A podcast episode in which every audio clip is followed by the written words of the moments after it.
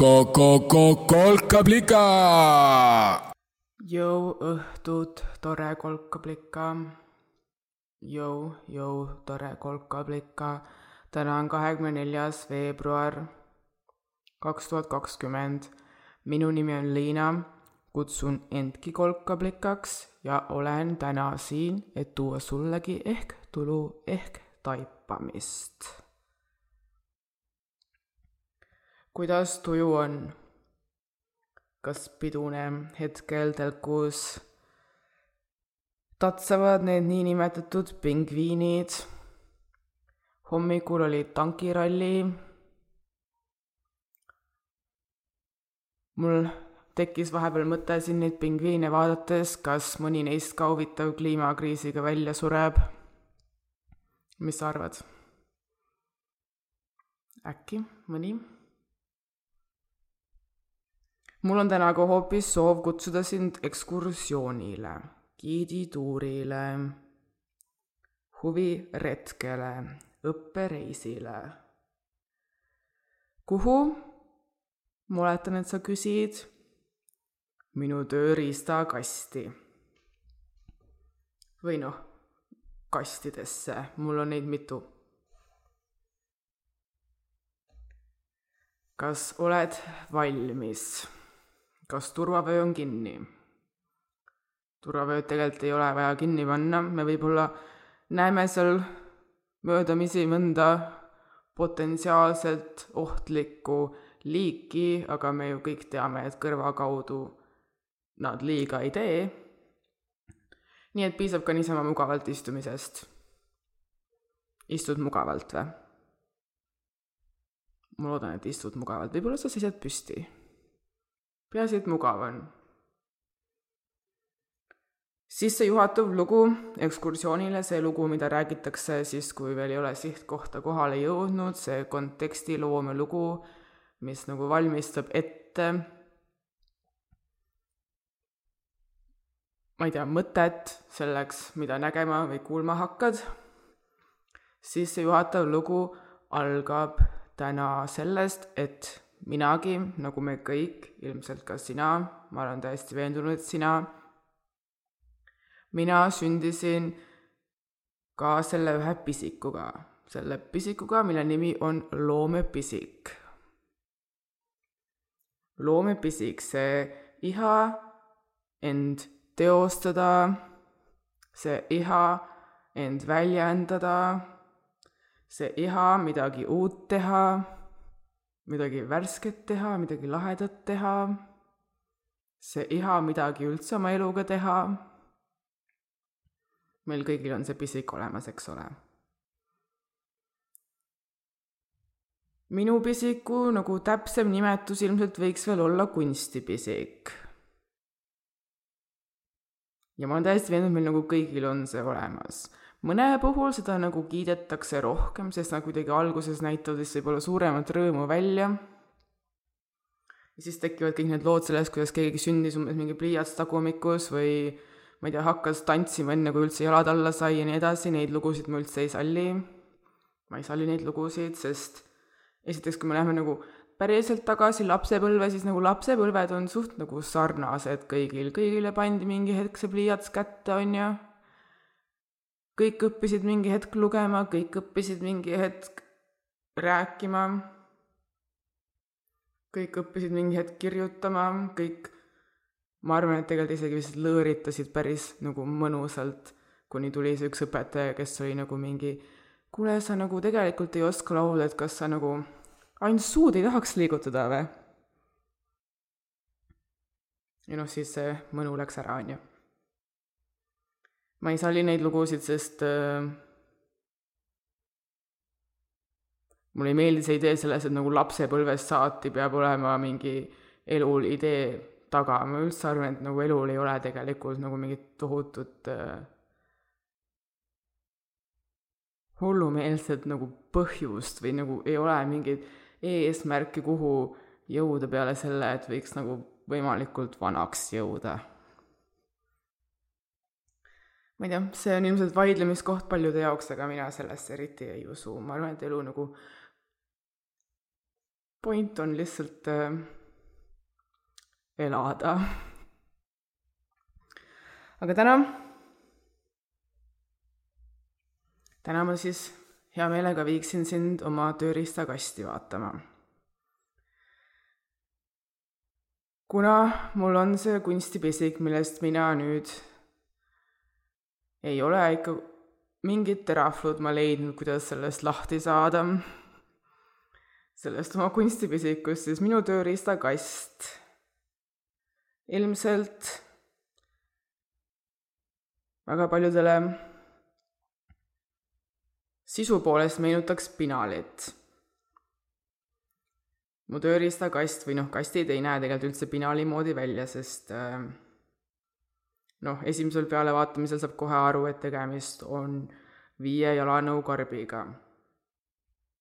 esiteks on meil siin üks niisugune väiksemat sorti karp, mille sees on kunagi olnud suvesandaalid. selle karbi peal on maalriteibi jupp, mille peal on kirjas pastakad, pintslid, pliiatsid, kustukummid. iga sõna järel on veel kusjuures ingliskeelne vaste nendele eestikeelsetele sõnadele, sest noh, tööriistad on ju jagamiseks. ja tööriistad armastavad mind sama palju, kui nad arvast-, armastavad kedagi teist, kes neid kasutab, see ongi see lahe värk tööriistadega et kui sul on mingi isu või soov või anne, mis on minu arust nagu suht sarnased asjad kõik, siis ega tööriist sinu pihta nagu viltu ei vaata, see on nagu sihuke tore armastus, kus ta on nagu valmis kõigeks ja sinu käes on võim sinu ja tööriista vahel võtad ette selle matemaatika ülesande ja see matemaatika ülesanne lihtsalt vaatab sulle otsa niisuguse nagu isuga, et palun nagu lahenda mind, ma nii tahan lahendatud saada. või ma ei tea, keemiakatse. keemiakatse, ma arvan, tahab küll saada tehtud, on ju, või pliiats, pliiats tahab ka saada kasutatud. samamoodi tahab saada kasutatud, ma ei tea, midi-board või süntesaator või see Wordi dokument, kus oma raamatut kirjutad või nagu tööriist ei, ei hinda sinu tööd. ta on lihtsalt, tal on hea meel, et sa teed seda tööd, on ju. teiseks on mul siin Nike logodega punane karp, seal sees olid mul kunagi mu Nike Huarachi tossud, mis ma kusjuures ostsin kopides oma väikevenda.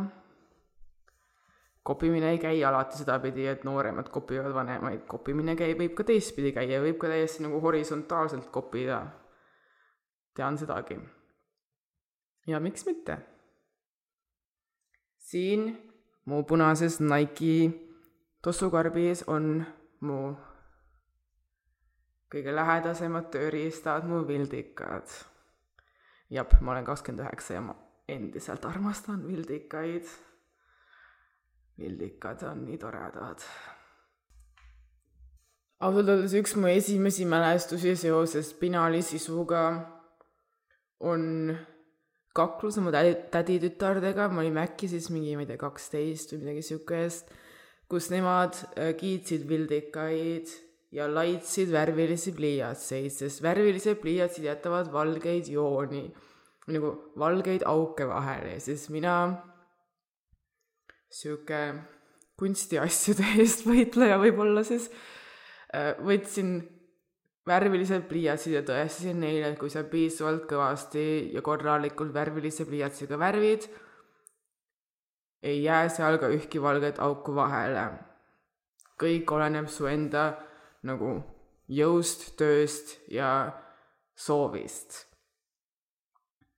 noh, muidugi ma peitsin selle tõestuse, on ju, aga Vildikad sai mu lemmikasjaks ilmselt kaks tuhat kaksteist aastavahetusel umbes sealkandis Berliinis. mu õde Mari elas tollal Berliinis ja me läksime talle külla. mina ja meie teised sõbrad. Ja see oli vist esimene kord, kui mina avastasin või nagu tutvusin täpsemalt oma nii-öelda närvilise energiaga.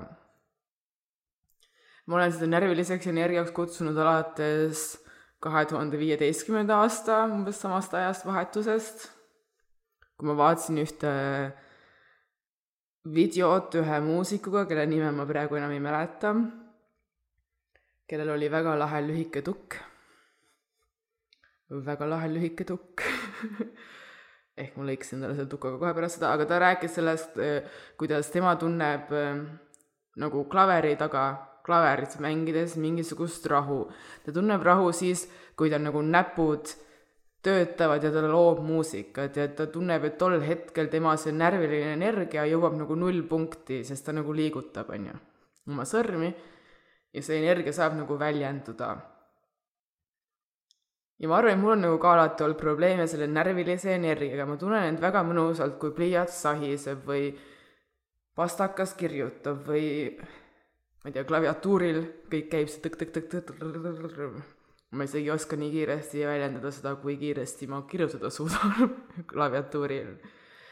ja ma arvan, et vildikad on selle puhul nagu, oli, vildikatega joonistamine oli nagu esimene kord, kui ma nagu tundsin seda tunnet, sest nagu mul on niisugune jama, et mul on väga tihti niisugune sotsiaalne ärevus sotsiaalsetes olukordades ja nagu kui sa oled umbes niisugune minuvanune ehk kahekümnendates, siis sotsiaalsed olukorrad väga tihti sisaldavad õhtuseid alkoholijoominguid, on ju.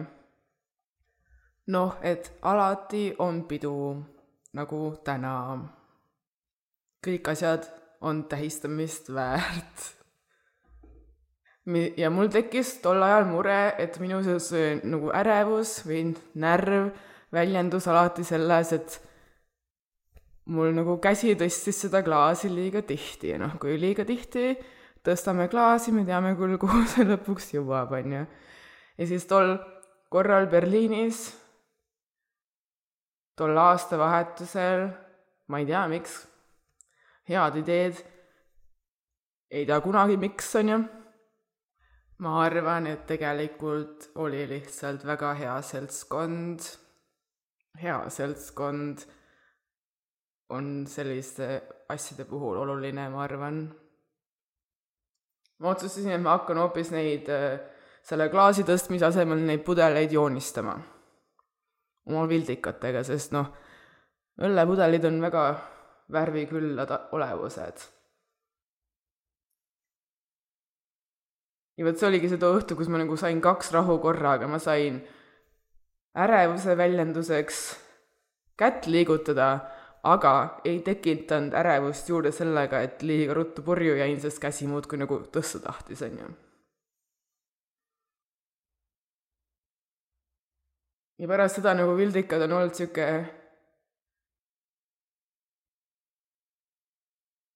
peaaegu ütleks nagu mingi lapselik põgenemisviis või? Sest noh, kui me mõtleme vildikatest, siis äh, ja kui me ei räägi värviraamatutes, mida praegu igal pool müüakse ja soovitatakse teha, noh, see ongi sama asi ju. värviraamatu värvimine, vildikas on nagu lapselik asi, aga vildikas, ma arvan, on nagu väga tore asi ka täiskasvanule. väga tore asi. ja mis mulle veel vildika puhul eriti meeldib, vildika joonistuste puhul erinevalt siis pliiatsitest või siis nendest värvilistest pliiatsitest, mis on nagu juba niisugune teps vildika poole, sest noh, harilikku pliiatsit saab kustutada, kui sa vea teed.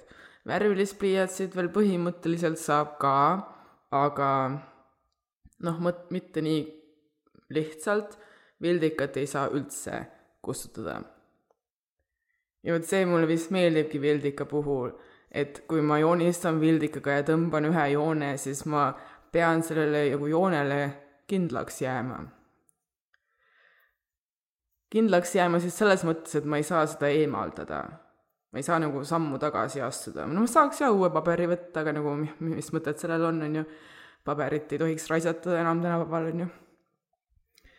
aga seda saab nagu muuta, seda saab natuke ümber joonistada, seda saab nagu natukene üle värvida selle nagu joonega, mis juba tõmmatud on, saab nagu tööd teha. ja kui ma üldse mõtlen tagasi oma kunstiõpetustele, sellele, mida ma olen äh, kunstitundides kuulnud, kus ma olen isiklikult väga palju käinud siis vist kõige nagu lahedam õpetus, sõnad. Tulid ühelt äh, kunstiõpetajalt, ta nimi on Ülle Marks muideks, ma tunnen, ma pean ta nime välja ütlema, Ülle Marks. ta õpetas väga palju erinevaid asju, mul on hästi palju tegelikult meeles igasuguseid erinevaid lauseid, mida tema ütles, mis nagu siiamaani kummitavad heas mõttes. aga üks asi, ta õpetas meile krokiiõpetus ja krokiiõpetus on siis kiirjoonistamine. Ja ta just rääkis sellest, kuidas äh, me ei muretseks nagu valesti tehtud joone pärast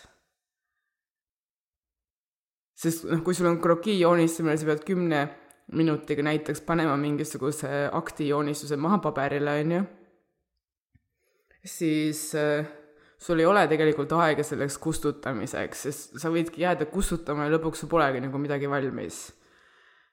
ja tema ütles, et äh, nagu ära karda nagu oma joont üle tõmmata, sest äh, silm lõpuks näeb ära, milline on õige joon. ja see on nagu niisugune ilus minu arust väga ilus mõte, nagu niisama, ma ei tea, elule ka või. ära karda nagu uuesti tõmmata, sest silm lõpuks näeb ära, milline õige joon oli, sa ise tunned ka lõpuks ära, milline see õige joon oli. eks ole. järgmise kasti peal. On kirjas maalriteibil ehitusmaterjalid. See kõlab nagu mu kasti sisse mahuks terve Espaki pood, aga see ei ole tõsi. seal kasti sees on naelad, mõned naelad, mõned tüüblid, seal on natukene traati, seal on klammerdaja, seal on augustaja, auguraud on vist tegelikult selle õige nimi, on ju, siis seal on käärid, seal on erinevad noad. kööginoad on mul ikkagi köögikapis, aga seal on pabernoad ja seal on igasugused erinevad taskunoad.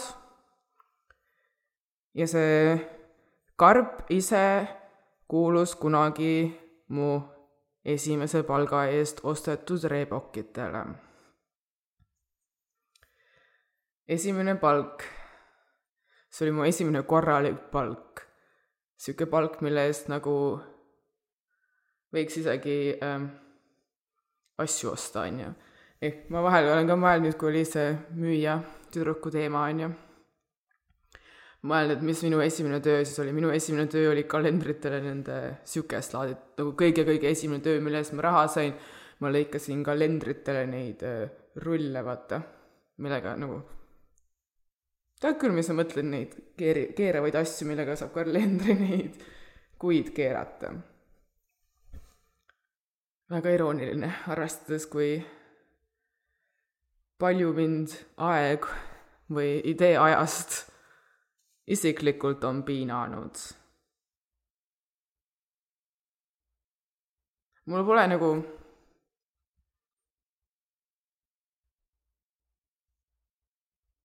kindlaid äh, ideid sellest, miks mind aeg piinab, aga mul on alati nagu küsimus selles, kuidas seda täita. ma ei ole isiklikult kunagi tundnud, et ma olen nagu mingi ajast maha jäänud vist.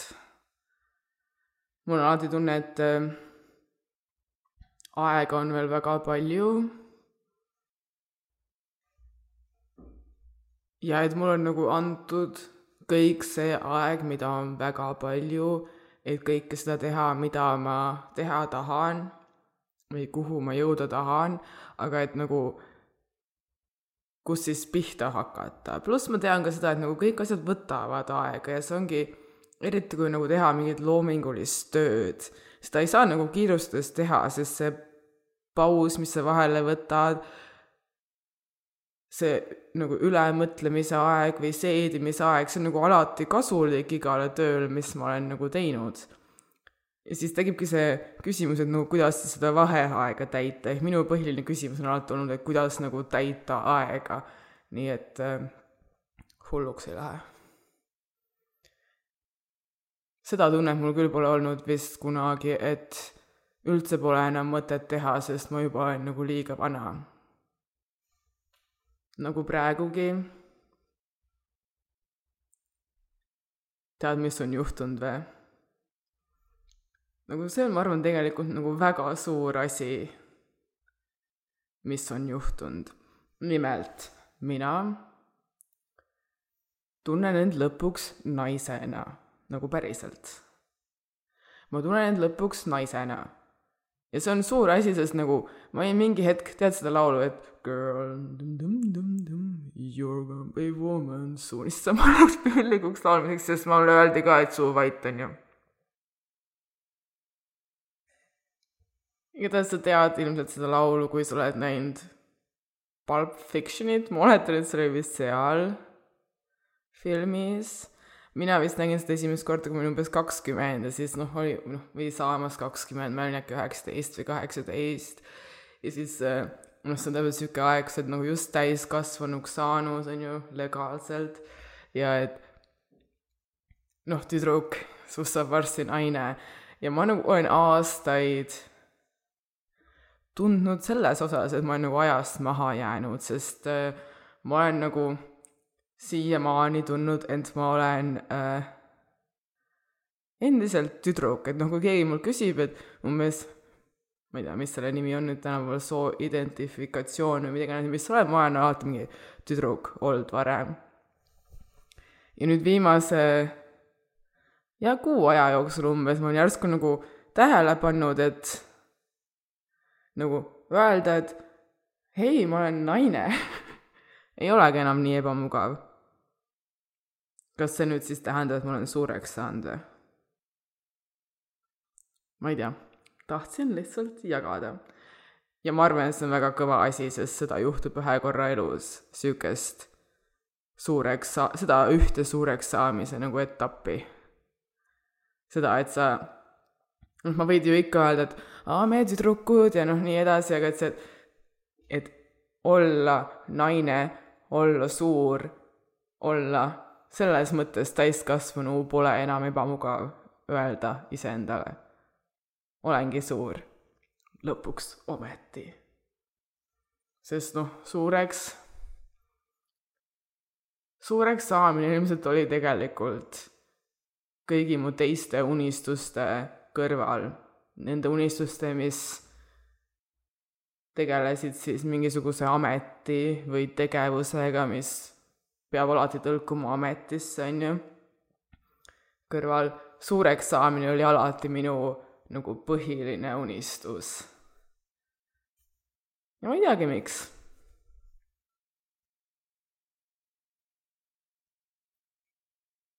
ma ei teagi, miks mulle ilmselt lihtsalt meeldib vist nagu edasi vaadata või vaadata, et mis seal nagu tulevikus veel kõik tulla võib. et kus ja mis jooni nagu saaks veel üle teha. nii et äh, silmale tunduks veel õigem. muideks, mul tuli vahepeal meelde, et tolle kunstniku, muusiku nimi, kes rääkis närvilisest energiast, tema nimi oli Oland O-Land. ja mu viimane kast, kuhu ma sind täna giidituri puhul tahaksin viia, see on mu viimaste tossude kast, et tos-, tossud ei ole enam seal kastid ees. Need on filatossud, mis ei ole enam seal kasti ees, ma tahtsin ka filagängi. kõigil lahedatel tüdrukutel on filatossud, on ju ja ma leidsin neljakümne viie eurose pileti sellesse gängi. igatahes seal kastis on mu õmblusasjad.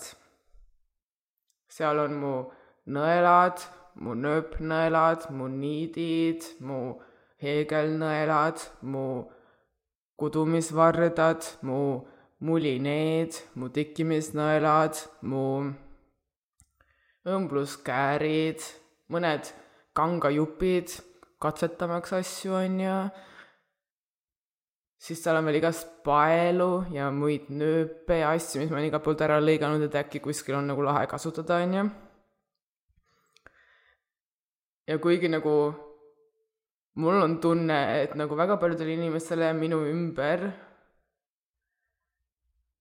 kelle jaoks on nagu eriti loogiline, et kahekümne üheksa aastane Liina räägib oma pliiatsitest, sest noh, pliiats ma ei tea, nabas sündinuna, on ju.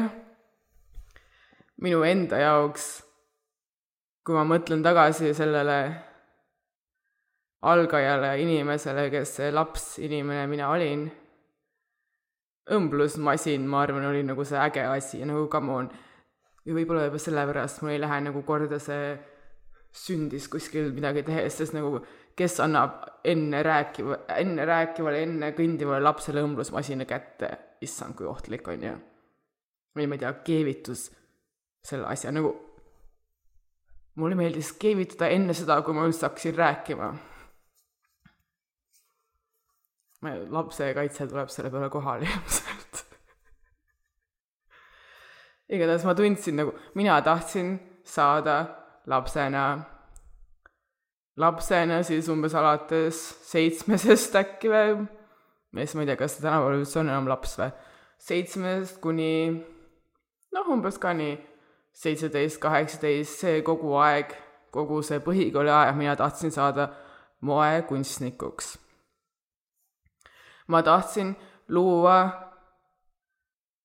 kunsti inimeste kehadele. Ma tahtsin, et inimesed ma unistasin, et inimesed tahaks minu loomingut kanda oma kehadel. ma tahtsin, et ma nagu, et see minu kunst läheks neile nii korda või et nad usaldaks minu kunsti nõnda palju, et nad nagu ei tahaks mitte kunagi ära visata mu seda kunsti, on ju. ja ma tahtsin selleks kasutada masinat, millel on nõel, mis niiti tekib kangasse nii, et no äh, joon jääb alles, on ju. see oli minu unistus. ja täna mul on õmblusmasin, mul on mu õmbluskarp ja mul on mu pliiatsikarbid, mul on mu pildikakarbid, kõik nad on mul olemas, aga nad on ikkagi üldiselt kõik tegelikult niisugune hobikarbindus. ja mul on väga hea meel, et nad seal on ei ole ma juba ammu endale otseselt päriselt midagi õmmelnud, mulle tegelikult hullult meeldib asju ümber teha. ma olen viimasel ajal mõelnud, et peaks ümber tegema ka oma jõupuisa, sest kuidagi ära kulus ta energia ja siis energiat saab väga tihti värskendada sellega, et sa teed midagi ümber, on ju. aga täna hommikul käisin Delfis, nagu ma käin suht iga hommikul lugemas uudiseid ja sealt ma leidsin ühe video. see video oli postitatud vist äh, Delfi lood on äkki selle alapealkiri või mida iganes. või oli, see oli Anne stiili alt võib-olla, ma täpselt ei tea. igatahes videos rääkis kahekümne üheksa aastane minaga. Meelika Kaarna oma tätoveeringust on ka 3D disainer, mis on nagu mida kuuljametit mina beebina ei teadnudki, et 3D võib ka üldse nagu teema olla. ta rääkis oma tätoveeringust. uudise nimi oli Sõle tätoveeringuga tüdruk. eestlane lasi eriti tavatusse kohta tätoveerida armsa tähendusega sümboli. esiteks peame kohe muidugi ütlema, et ta tätoveering oli rinnus, ta sõle tätoveering oli rinnus, ma ei tea, kus mujale sa paneksid äh, sõle, ma nagu klikkasin uudisele umbes eeldades, et sealt tuleb äh, sõlg tagumikul, on ju. ma ei tea, ei tulnud. tal oli, tal oli väga ilus, äh, väga ilus äh, tätoveering rinnus. või noh, tegelikult muidugi rinnal, see tätoveering oli sihuke, ma ei teagi, see on see rindade üleval ja kaela all see dekolteel, dekolteel, väga ilus oli ja teiseks muidugi hüüdsin mina, kolkaplika Liina, et mina ka, täpselt nii, mina ka. mul on ka selles mõttes armsaid, armsate tähendustega tätoveeringuid. esiteks tuleb ilmselt kohe ära eputada, et olen isegi nii palju nunnum või hullem, et sõle asemel on mul peab padrunina ühe õla peal kirjas meie rahvuslinnu nimi. kusjuures veel vanaema käekirjas ja veel peegelpildis, nii et kui ma hommikul peegli ette lähen, ma kohe saan ise lugeda meie rahvuslinnu nimi. Ja noh, tegelikult seal ei ole üksnes pääsuke kirjas, seal on ühe õla peal on kirjas selg sirgu, teise peal on pääsuke. aga peale selle on mul veel parema käe peal kirjas sõna kodu. see on kõige värskem tätoveering. siis on mul veel vasaku käe peal kirjas jipika-jee, nii nagu me seda eesti keeles kirjutame. see tätokas on mul või noh, oli, nüüd ta on nagu nii vana juba, et ma ei pane tal liiga palju tähele, sest uued on peale tulnud, aga ta oli mul alguses nagu tuju sõrmus. teate need sõrmused, mis nagu näitavad, et mis tujus sa praegu oled või mis meeleolus sa praegu oled? jipika-jee minu jaoks tähendab seda, kui sul on rohkem kui kaks juhud öelda. kui nagu midagi on nii lahedat, et on nagu paneks kohe juhuu, juhuu ja siis veel juhuu otsa, nagu nii rõõmus, on ju. ja see on mul veel kooti tähtedes ja siis alguses, kui ma selle tegin endale, siis noh, mingi, see tundus nagu mõne aja pärast veits nagu loll idee. noh, miks peaks kirjutama endale keegi jipika-jee käe peale, on ju. ja siis ma saingi aru, et nagu ma olen ise oma jipika-jeega jumala rahul, kui mu elu nagu ongi enam-vähem jipika-jee rohkem kui kaks juhud korraga. eks selle järgi, kui, eks selle järgi, milline suhe mul oma tätokasse oli, selle järgi ma sain aru nagu, millised on mu tujud või tunded. et kui mu jipika-jee tätoveering mind närvi ajab, siis ilmselt mu tujud või tunded on natukene sassis. ma arvan, et ses suhtes, isegi kui sul on jipika-jee keha peale tätoveeritud või mitte, see on nagu hea sihuke lakmuspaber üldiselt ka. kui sa vaatad peeglisse, oled nagu jipika-jee, siis on jumala tore ju. ja kui ei vaata ja ei mõtle jipika-jee, siis on kuskil midagi muuta, näiteks mõtlemises enda kohta või või võib-olla pea, ongi aeg nagu tukka lõigata, on ju.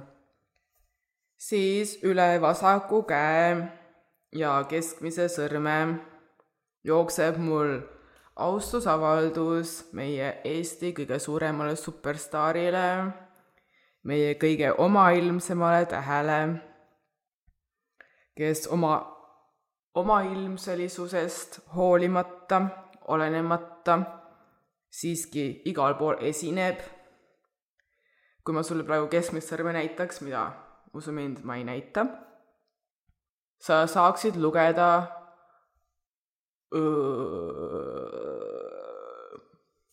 ehk üle mu keskmise sõrme ja üle mu käelaba jookseb.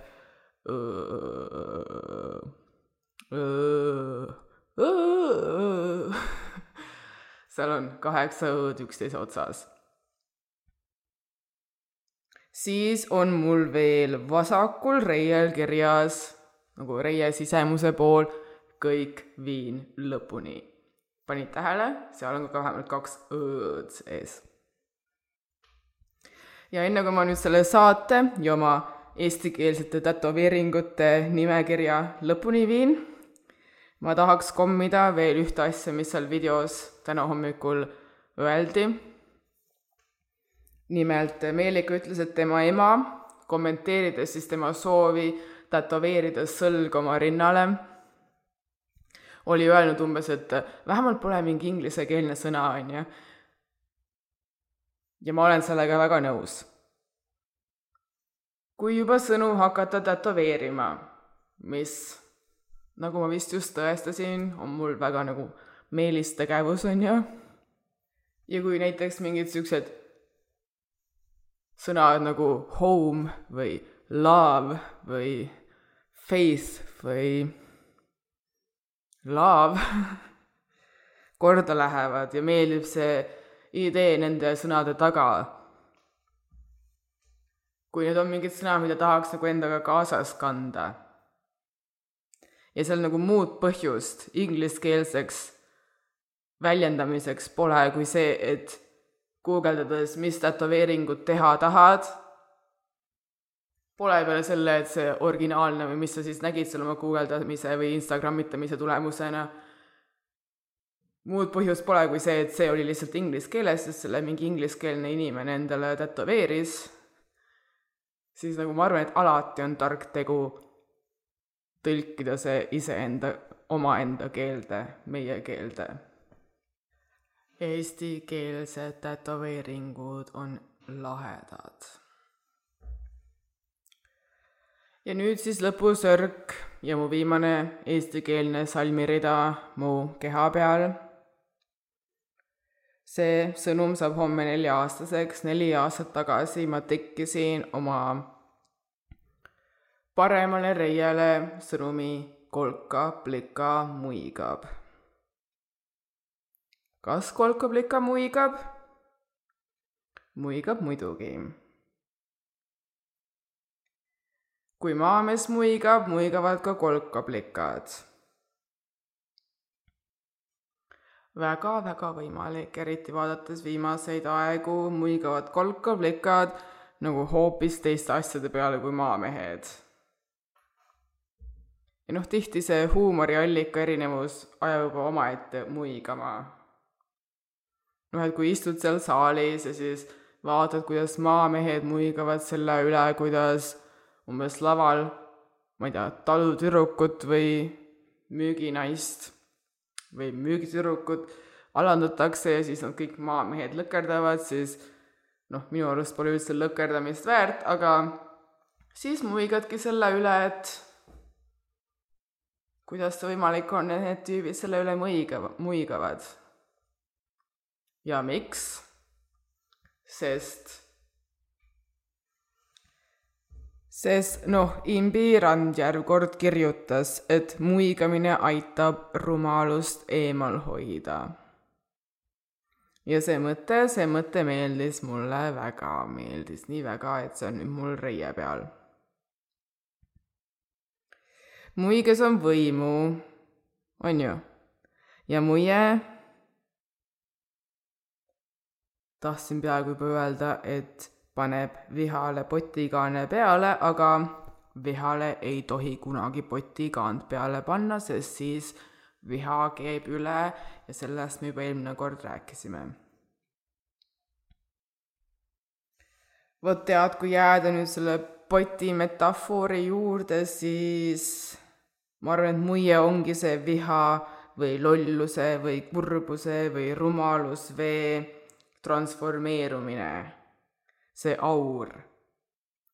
ja kui aur on juba õhku tõusnud, siis saab millegi paremaga tegeleda. nii et vot, kolka-plika muigab. kolka-plika muigab rumaluse eemale ja lõpetuseks, kuna olen raadiosaatejuht, ma kasutaksin ka võimalust ja saadaksin teile mõned õnnesoovid.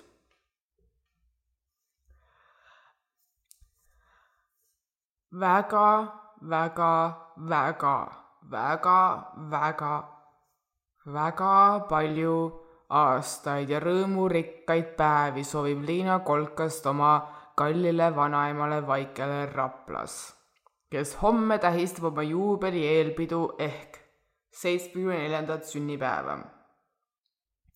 olgu sul, vanaema, silmades ikka sära ja ajus tragidust. oled ju sama ilgelt napakalt tark ju kui mina. teistest inimestest erinev olla on ilgelt äge. jah, see on kohati olnud väga raske, aga samas ka mega äge homme õhtul sinu sünnipäeva puhul joon teed, mille korjasid sina. peale panen veel mett, mille ka korjasid sina. tead miks? sest minu eeskuju oledki sina. põnevaid põnevaid, põnevaid aastaid ja julgeid samme ja südamerahu soovin ma ka oma kallile kolkaplikale Pärnust Viljandist, kes sünnipäeva tähistab kolme päeva pärast, kahekümne seitsmendal veebruaril. sinu innustuste ja utsituste tõttu ei viska ma enam konisid maha ja üritan poest osta võimalikult vähe plastmassi samuti olen tänu sinule jõudnud taipamiseni, et aastaid kestnud takistav uskumus, et viisi mina ei pea, ei tähenda, et mina ja teised mitteviisipidajad ei võiks laulmisest mõnu tunda. samuti ma loodan, et maailm meigib end järjest rohkem seda nägu, nagu sina tahad, sest sinu meik maailmast mulle meeldib. see mätsib see on meigita maailm. palju, palju, palju õnne sünnipäevaks, mu kallis Pärnu Viljandi kolkaplikale. ja palju õnne ka vanaema ja Lee vahel sünnipäeva pidavale noorkotkas Raidule. ja see on täna kõik. ma jätan vahele kolkablika.ee jutu, sest aega on kulunud piisavalt